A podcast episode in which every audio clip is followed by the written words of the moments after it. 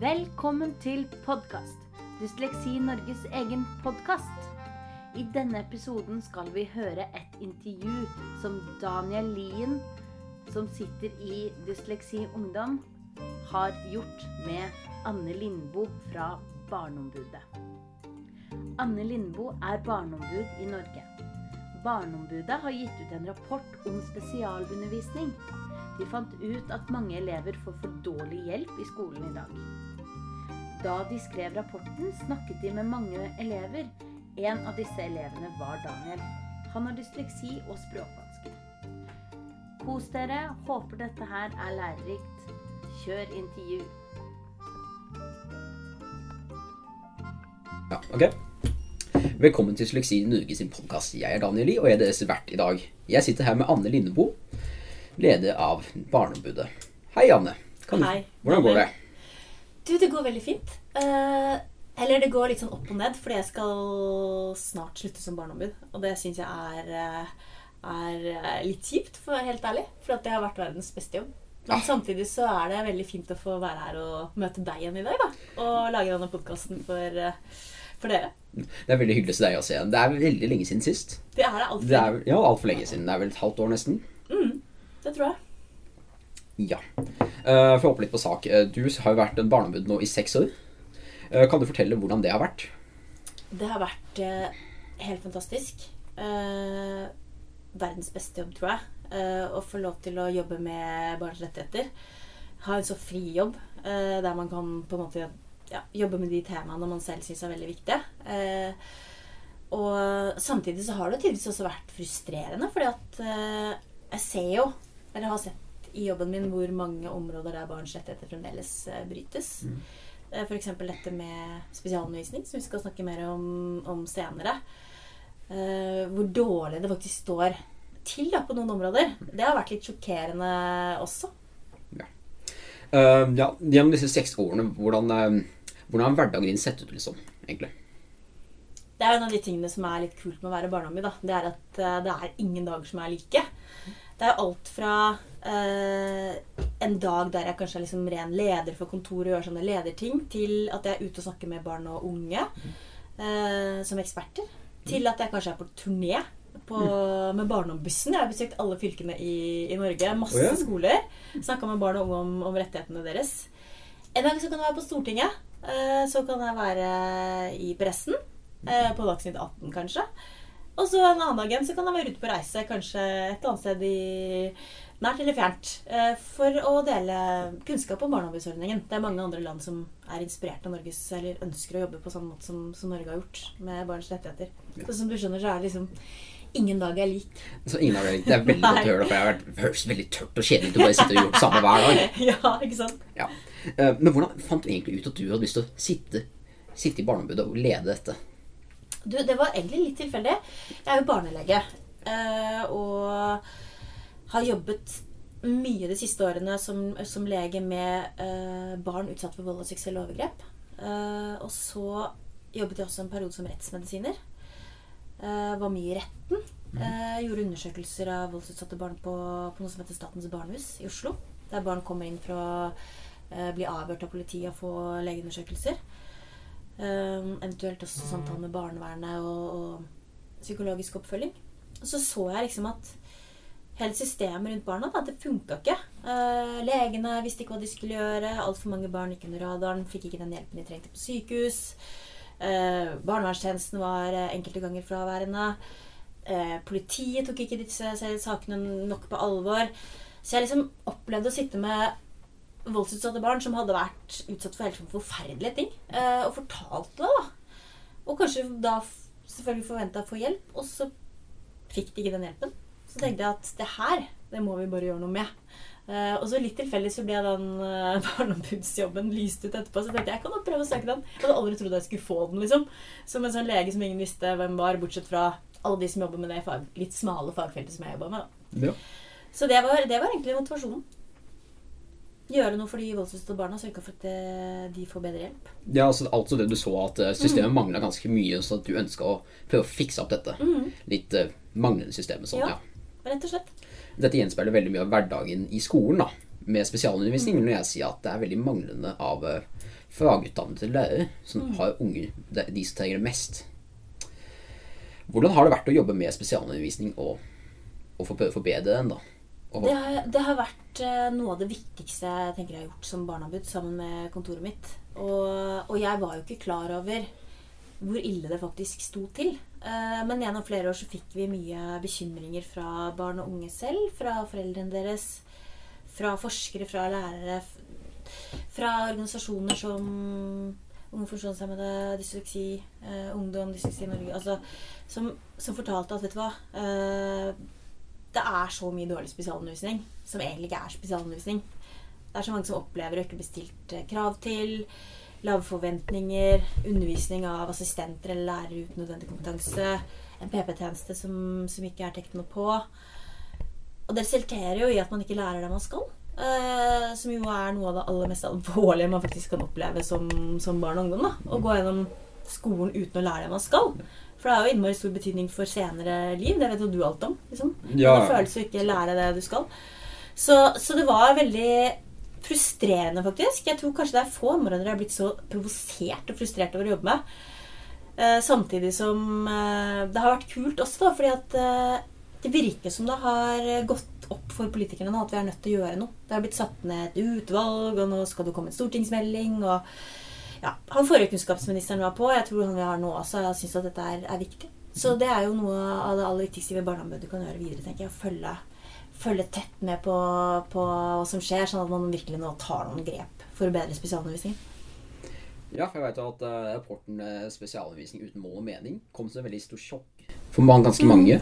Ganske mange lærere og politikere tok så sjokk at det var så dårlig i norske skoler. da. Fordi rapportene viser, generelle rapporter som de får, da, viser at eh, skolen gjør det bra i gåseøynene.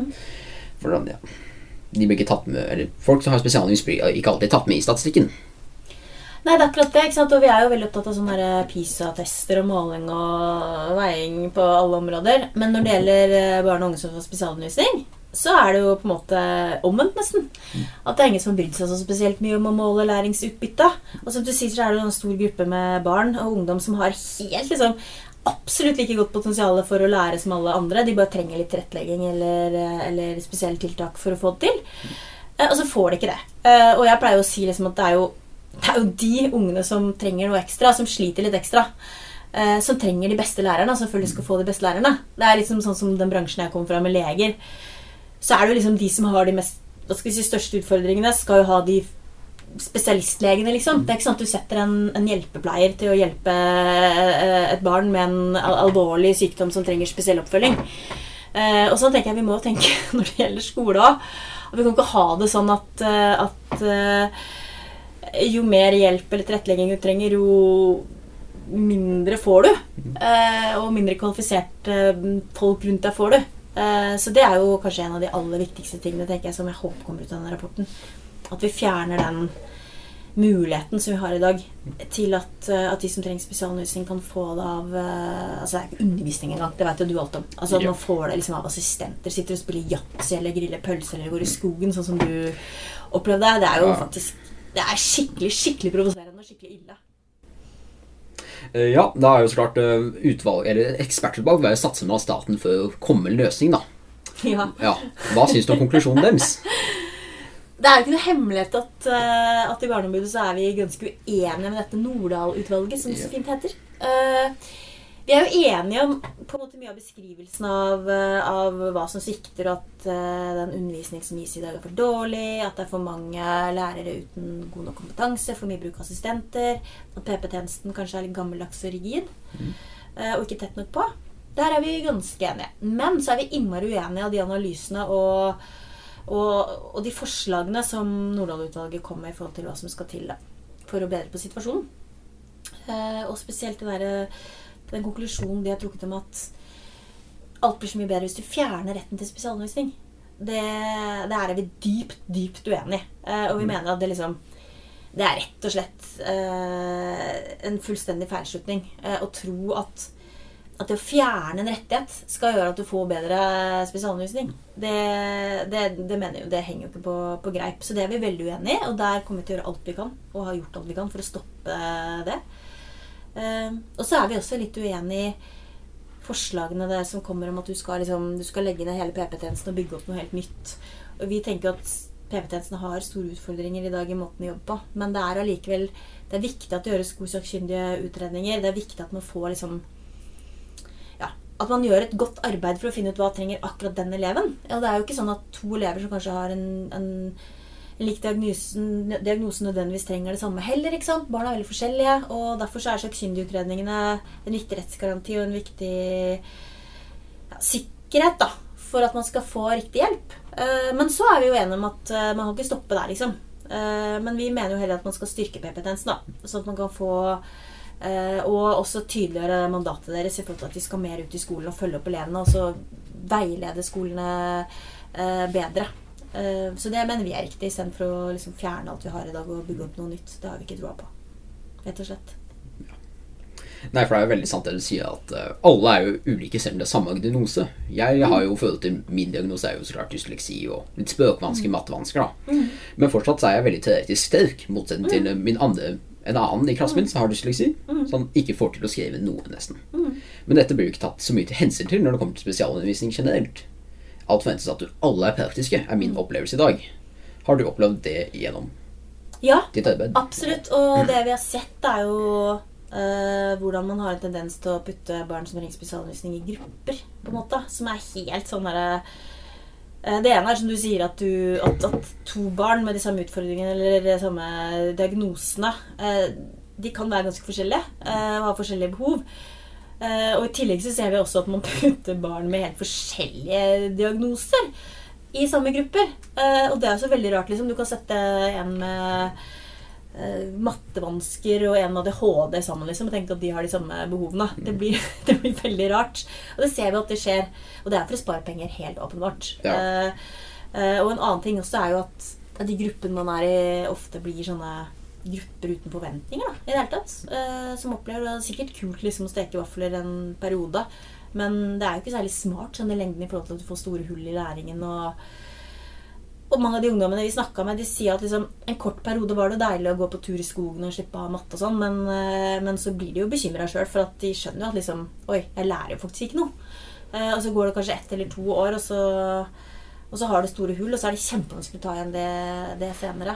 Så, så, det er jo noe av det mest alvorlige vi fant i den rapporten vår. Den tendensen til å putte folk med helt forskjellige behov og forskjellige, som er på helt forskjellige nivå uh, i, samme, samme, grupper, og at de gruppene ofte er uh, altfor sånn ja, At man skal gjøre sånne morsomme, praktiske ting, og at man faktisk ikke lærer noe.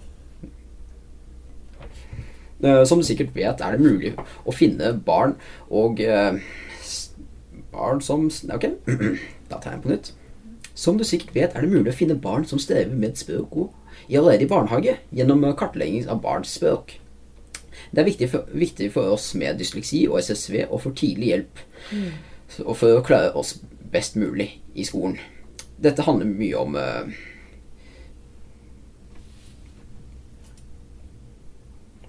Hva da? Det ordet etter Å. Uh, om å Ivareta. Ivareta, sorry. Hva Er det jeg sier. Dette handler jo Dette handler mye om å ivareta barnets beste som opptatt.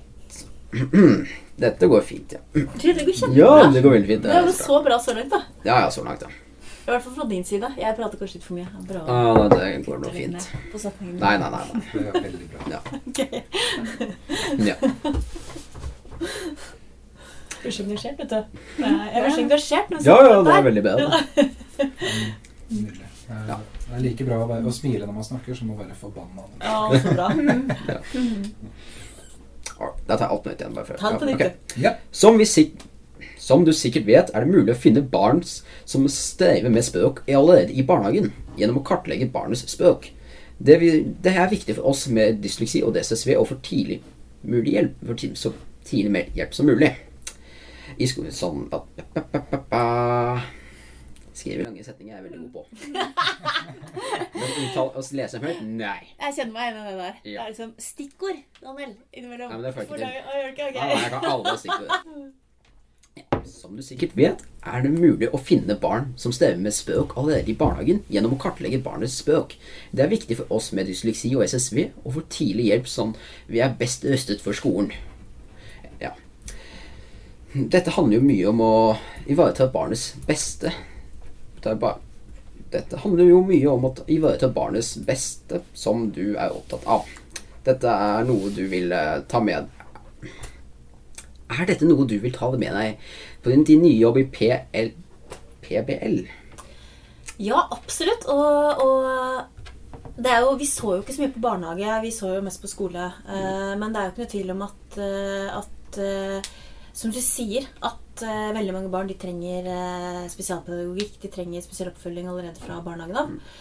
Eh, Og det er klart at hvis du, hvis du har språkvansker, eh, andre utfordringer og ikke får den hjelpen du trenger i barnehagen, så har du jo allerede ganske store utfordringer når du kommer i, i første klasse. Eh, og barnehagen er jo altså de, de første fem-seks årene av et barns liv er jo ekstremt viktig for videre utvikling, som du sier. Så ja, helt klart. Og, og jeg har faktisk allerede diskutert en del med både de som sitter i styret og de som, han som er direktør i dag. Eh, en av de største bekymringene de har, er, er rett og slett eh, eh, hvordan vi skal få nok kompetanse og nok ressurser eh, inn i barnehagene til å, til å, til å stille opp for, for de barna som har spesielle behov. Fordi at nå, nå kommer det som man vet, det kommer en ny bemanningsnorm eh, som gjør at, eh, at man må ansette flere voksne i barnehagen.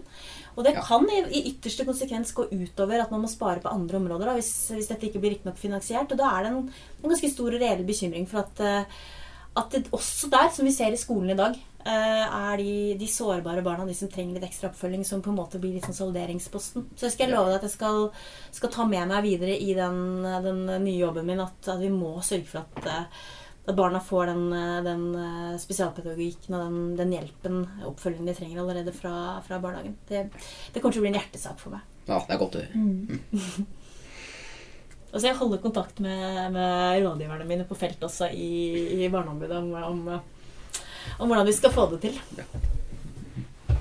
Når du treffer ganske mange elever da, gjennom barneskolen, sånn, fra barneskolen, ungdomsskolen og videregående, med, som har ganske mange tøffe historier, da, tunge historier om hvordan de ikke hadde blitt sett og nådd og ikke lært noe, nesten gjennom 13 år på skolen. Hvordan var det for deg, egentlig?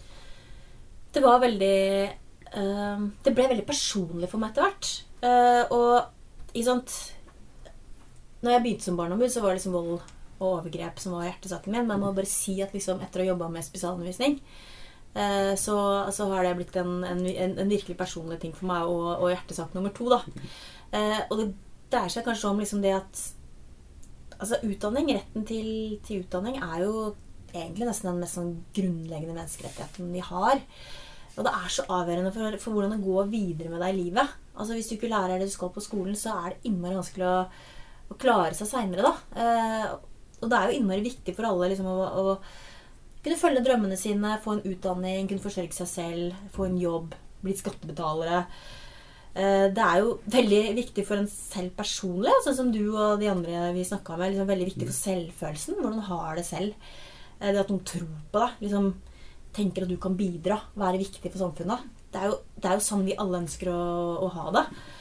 Og det at noen på en måte blir fratatt de mulighetene fordi at vi ikke stiller opp med de ressursene som er nødvendige for, for at de skal få utbytte av skolen og, og kunne gå og ta videre utdanning og få en jobb, det syns jeg er ytterst provoserende. Det må jeg bare si. Jeg syns det er et, et skikkelig svik eh, mot de elevene det, og, og barn og ungdommene det gjelder. Og så er det også sånn samfunnsøkonomisk eh, helt håpløst. Fordi det er jo avhengig av at liksom, det er hoder og kompetanse vi skal leve av eh, videre. Og vi er jo avhengig av at alle kan bidra. Og da må vi også liksom bruke de ressursene som er nødvendige for at folk skal kunne klare å, å bidra. Eh, og der, der har jeg lyst til å liksom trekke fram Viktor Nordmann. Da. Han har gjort et ganske kult regnestykke. Eh, en ansatt er verdt uh, ca. 700 000 kroner i året. Det er det, det er du liksom det er det du er Som arbeidsgiver, da, så, så må du ca. betale 700 000. Eh, og, og hvis du tar liksom nåverdien av et helt liv der du har vært ca. 700 000, eh, så er det et eller annet sted mellom 20 og 30 millioner. Eh, og så Det betyr at hver eneste krone du bruker under det, eh, det er faktisk en sånn nettogevinst sånn samfunnsøkonomisk. Og da tenker jeg Du får ganske mye spesialundervisning. altså. Du får ganske mye spesialpedagogikk. Eh, Du kan få ganske mye ekstra hjelp i barnehagen gjennom skolen for den summen der. Så, så rent sånn samfunnsøkonomisk også, så er vi liksom nødt til å gjøre noe her. Altså, og, og ofte så blir jeg liksom møtt med at nei, det er liksom Det er mer organiseringen, og vi kan ikke bruke mer penger. Jo, det kan vi faktisk. Eh, For det har vi også sett, at det er også et spørsmål om penger, faktisk. Eh, Et spørsmål om å bruke penger på, på å utdanne, penger på å ansette eh, lærere med nødvendig kompetanse, istedenfor å bruke assistenter, som er billigere. Eh, Det er et spørsmål om å styrke PP-tjenesten med de ressursene. Få nok ansatte der, sånn at de faktisk både kan gjøre sakkyndigutredningen, men også gå ut i skolen og, og støtte og følge opp elevene og også lærerne og, og skolen. Eh, Og også evaluere utbyttet du har av, undervisningen. Det er klart det koster penger. Så, og de pengene har vi, og de må vi bare eh, bruke. Skolen generelt er veldig noe som skal skape identiteten til så mange unger. da. Det er der du finner ut hva du å jobbe med. Og, uten, og jobb er jo veldig viktig, for det er hva skal jeg si, Nå kan ikke jeg, nå tar ikke jeg matte akkurat toppen av huet her, men nå, men det er iallfall 70 av livet så er jo jobb. Etter skolen. Du skal jo bare jobbe, jobbe, jobbe. Nesten til du dør. Så det høres veldig, ut. det høres veldig deprimerende ut, men det er jo nesten sånn, da. Du jobber jo til det er 65. Men du har jo et veldig viktig poeng der. eh, og, hvor mye jobb betyr for eh, selvfølelsen vår. Ja. Eh, og det opplevde vi også når vi snakka med de ungdommene i spesialundervisningsprosjektet. At, at de har jo akkurat de samme drømmene. De samme drømmene og håpene for framtiden.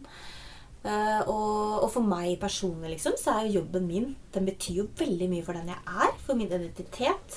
uh, for hvordan jeg har det. Eh, det at jeg har det bra på jobb og får bruke talentene mine og, e evnene mine på en best mulig måte, gjør jo at jeg blir et liksom, lykkeligere menneske.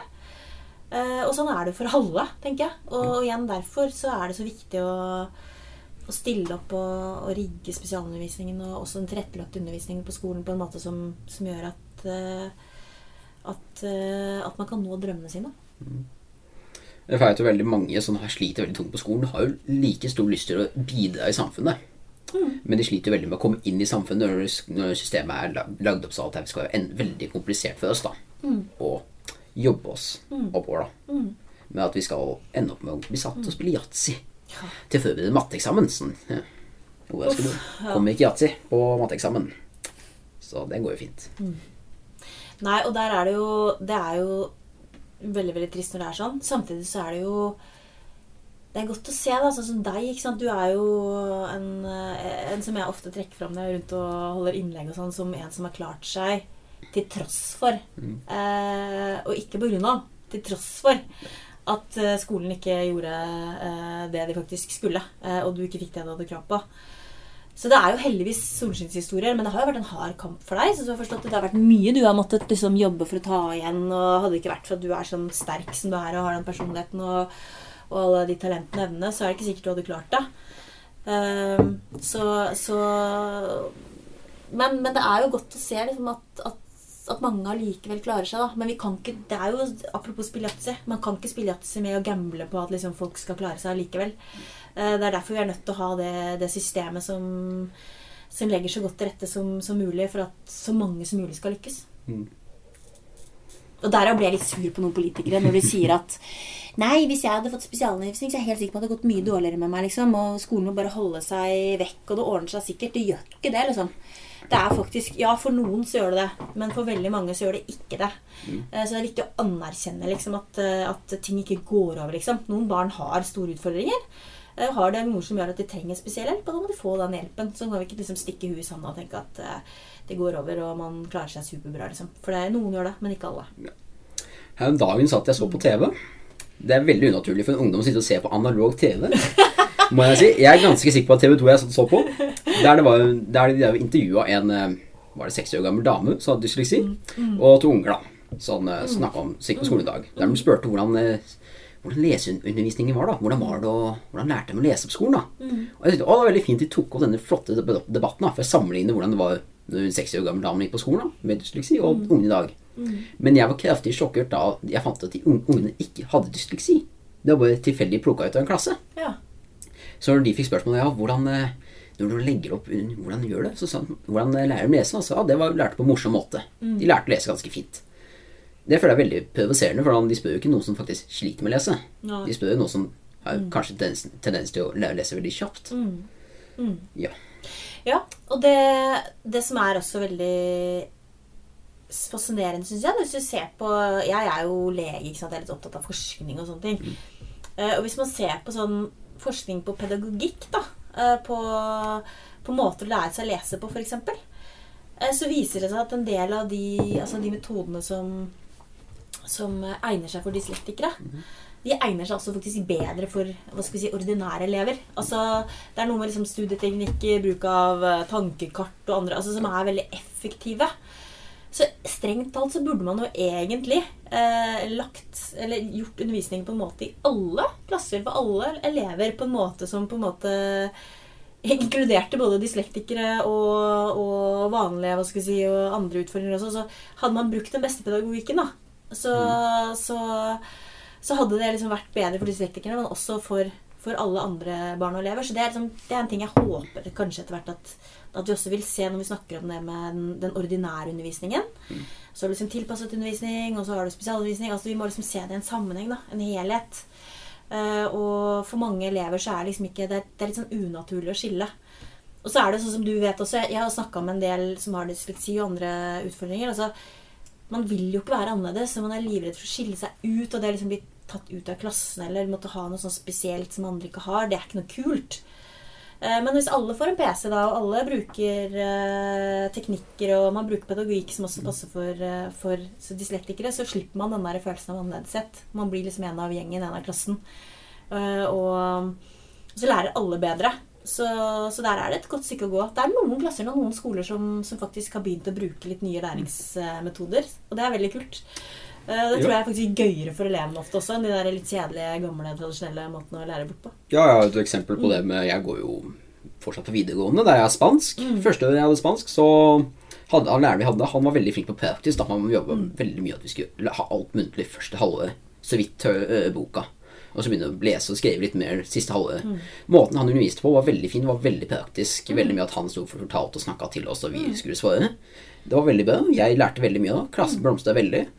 Og så i år, da, så har vi fått en ny lærer. Og da sitter vi bare og leser og skriver. Og klassen har falt fra kanskje ligger på fire, fire til tre i snitt, til eh, nå ligger vi på én og to i snitt. Og han kom og så snakka med oss litt senere at han har fått et flott besøk da, av, eh, av sine flotte lede, le, ledere. Så han har kommentert litt på at eh, undervisningsmetoden hans var ikke helt eh, tradisjonell. Mm. Følte sånn vi gjorde det her i Norge, for han er amerikansk. At han eh, hm, underviste litt mer praktisk enn de ville. Ja? De syntes han burde åpne boka litt mer, da. Så han sa at det var veldig vanskelig å gjøre noe kreativt og gjøre det på måten som man kunne lære på her i Norge. Ja, det har nok vært en tendens til å være litt, eh, litt konservative og litt lite kunnskapsbasert også enkelte ganger, faktisk, i, i skolen. Og det er også igjen for å trekke en sånn eh, konklusjon til, eh, til meg som er lege, da, så er jeg veldig opptatt av at man skal liksom man skal se på forskning, og man skal se på hva som faktisk virker. Eh, ikke bare sånn magefølelse at vi tror altså. Og der, der har det kanskje vært litt for dårlig, faktisk, eh, tidvis i skolen. At man liksom hopper litt fra det ene til det andre uten å egentlig altså Litt sånn ut ifra Altså, det er mye ideologi, da, har vært i skolen, mer enn kanskje kunnskap og forskning som eh, som råder. Så jeg skjønner hva du, hva du sier når du, når du forteller om, eh, om den læreren. Og, eh, og det viktigste er jo ikke sant, det, er jo litt over til et annet område som vi så da når vi jobba med rapporten. Det var at barn og unges medvirkning det er nesten fraværende. Eh, både spesialundervisningen også, eh, for så vidt en sånn annen type undervisning. Eh, det de burde gjort eh, når de ser eh, at karaktersnittet daler i klassen du snakka om, liksom, det er jo å det er jo å liksom gå inn og snakke med elevene om hva skjer. Eh, plutselig får alle dårligere karakterer. Er det som, hvorfor er det sånn? Eh, og, og hva var det som gjorde at dere lærte eller gjorde det så mye bedre når, når dere hadde den andre læreren? Eh, at, at man liksom ikke bryr seg om det. Det er et eksempel på igjen manglende involvering av barn og unge og manglende måte, respekt for deres meninger. Da. Eh, og det er også kjempeviktig når det gjelder spesialundervisning, at man må snakke med barn og unge selv om hvordan lærer du best, hva slags metode funker for deg, uh, hvordan vil du ha det. uh, virker det her, liksom? Ja, ja. Det, det gjøres altfor lite. ja, vi var jo stilt spørsmål om hvorfor sangkarakterene hva gjorde det som så fungerte så fint i fjor, da.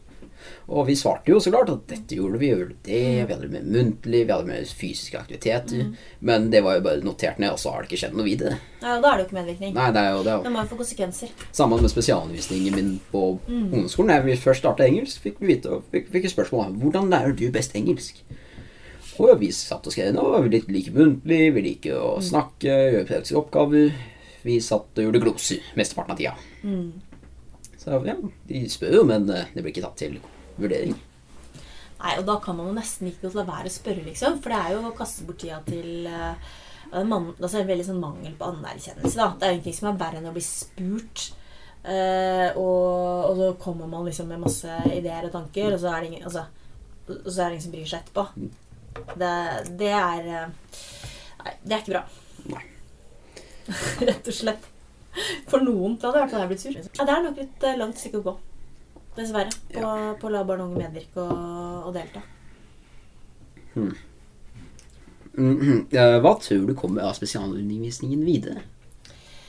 Jeg tror at, eh, at nå må på en måte politikerne gjøre noe. For at nå er det så ettertrykkelig slått fast at uh, halvparten av de barna som får spesialundervisning, får spesialundervisning som ikke fungerer.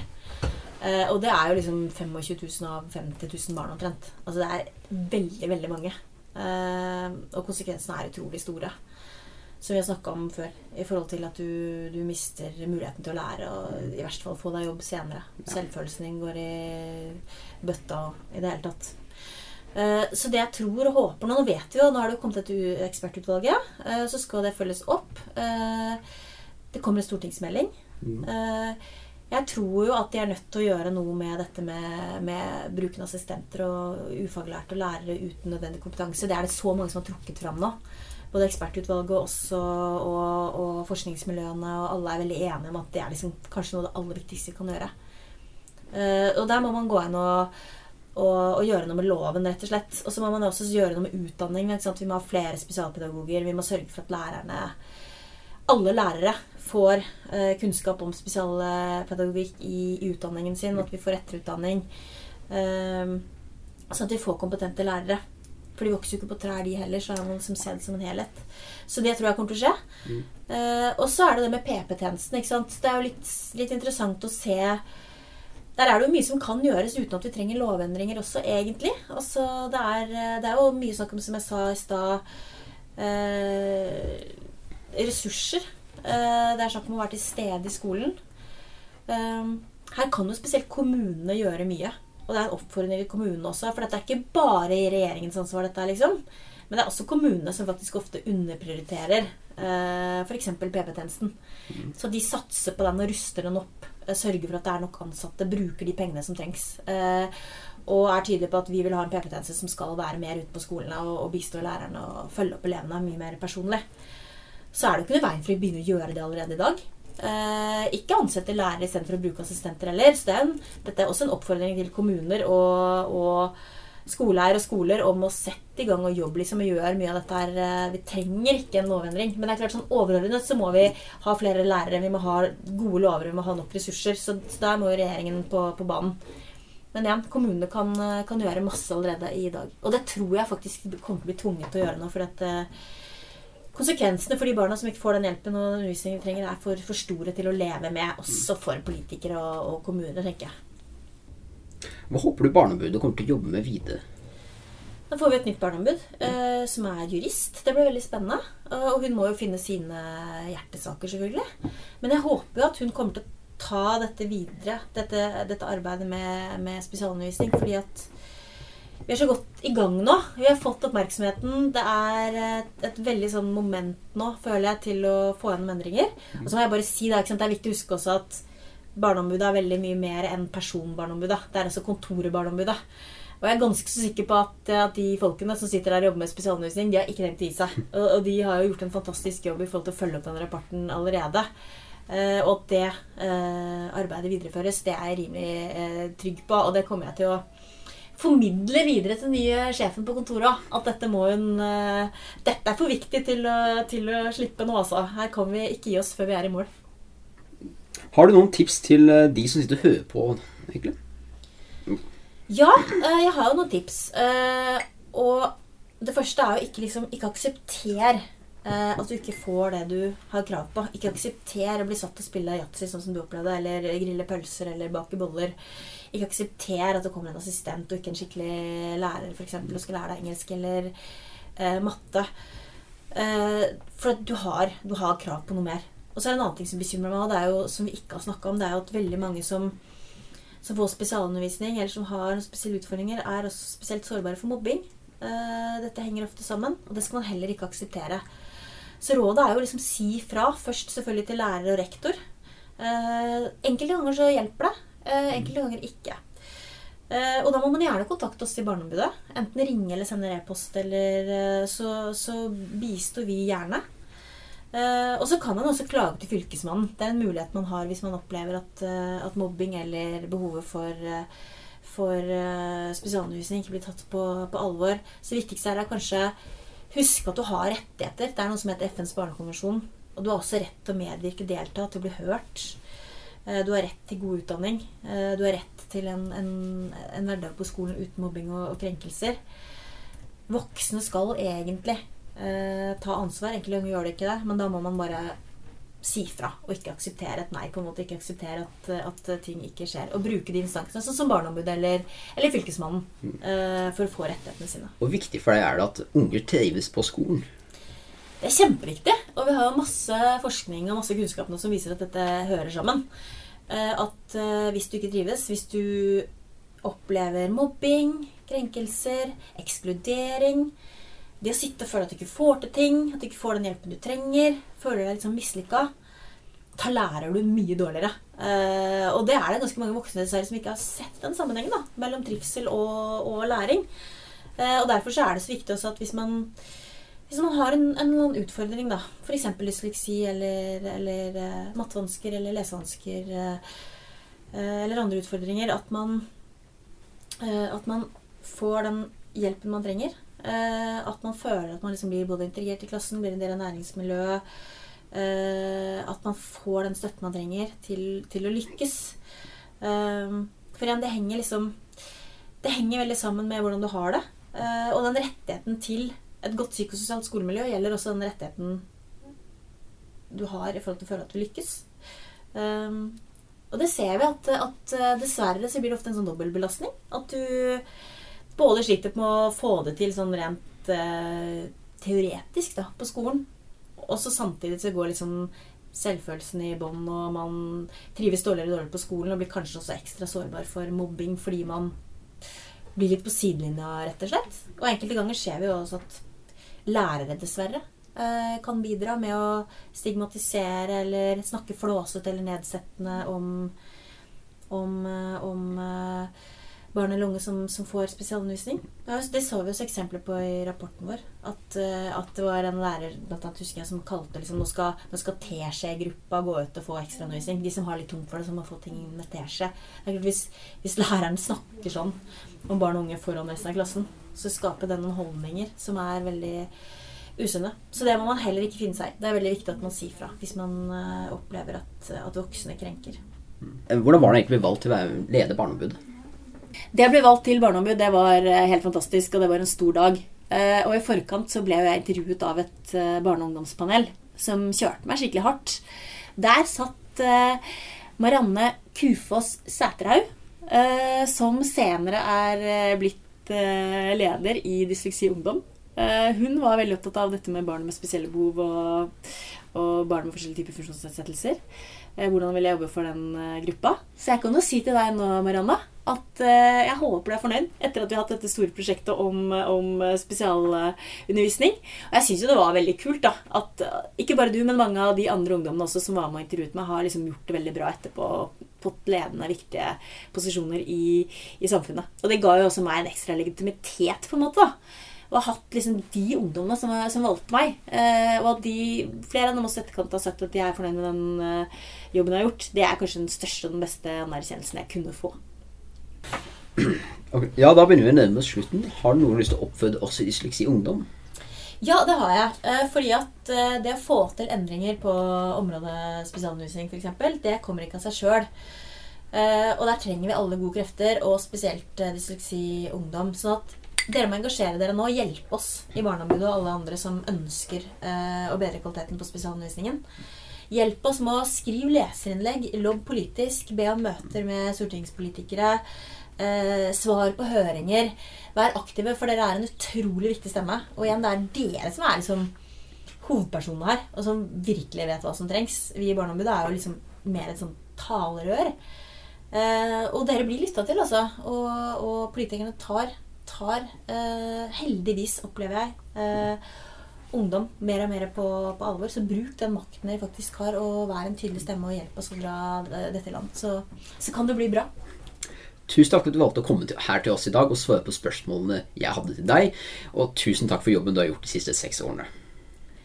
Og tusen takk til deg også, Daniel, for at jeg fikk eh, komme. Uh, tror jeg har egentlig mest å takke for. Uh, takk for at du bidro til den uh, rapporten. du var ekstremt viktig i det arbeidet. Og det er sånne møter med sånne som deg som har vært det aller beste ved det å være barneombud. Og det å se hvor fantastisk du har klart deg. Og det å sitte her sammen med deg og, og være med på denne podkasten i dag, det har vært eh, Det blir i hvert fall dagens høydepunkt. Det er det ikke noe tvil om. Så lykke til videre, du også. Tusen takk. Det var det vi hadde i dag. Vi snakkes snart igjen. Takk for at du lytter. Ha det bra.